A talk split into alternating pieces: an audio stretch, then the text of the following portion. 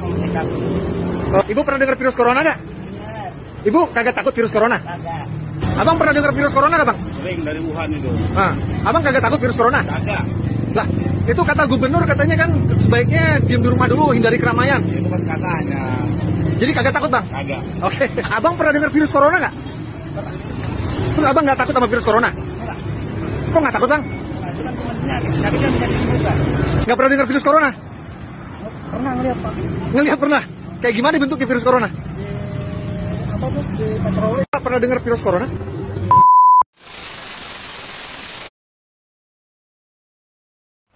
Bismillahirrahmanirrahim, sahabat-sahabat sekalian. Apa yang tadi kita saksikan itu sebagian dari gambaran masyarakat kita.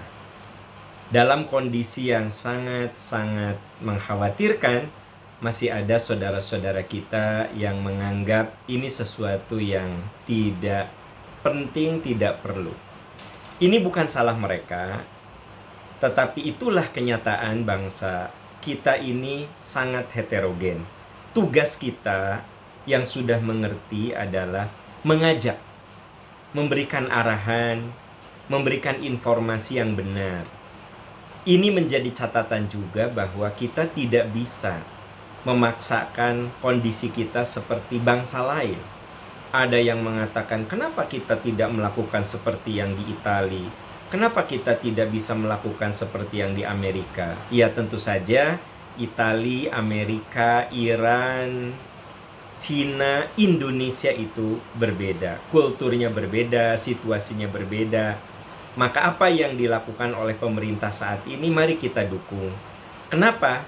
Karena boleh jadi inilah yang terbaik untuk konteks sosiokultural masyarakat kita yang sangat-sangat heterogen. Tugas kita adalah bahu-membahu, saling menguatkan, bukan saling menyalahkan, bukan saling mencari kelemahan, tapi yuk kita sama-sama berjuang melawan ujian ini. Kita berjuang menyelesaikan ujian ini.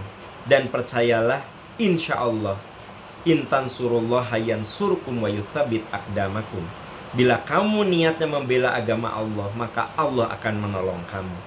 Sahabat, mari kita kerahkan seluruh pikiran kita, tenaga kita sesuai dengan kadar kemampuannya masing-masing untuk berjuang menyelesaikan ujian ini.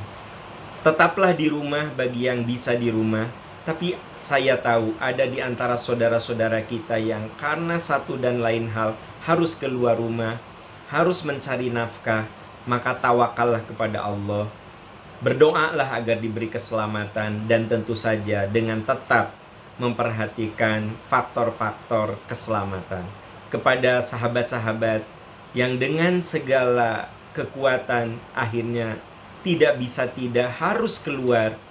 Sahabat-sahabat yang harus berjualan, yang sehari-harinya mencari nafkah dengan ojek online dan lain sebagainya yang mirip-mirip dengan itu saya berdoa semoga Allah memberikan rezeki, memberikan ketabahan, kesabaran, dan berjuanglah terus dengan tetap mengikuti protokol keselamatan. Semoga Allah menolong kita, menyelamatkan kita.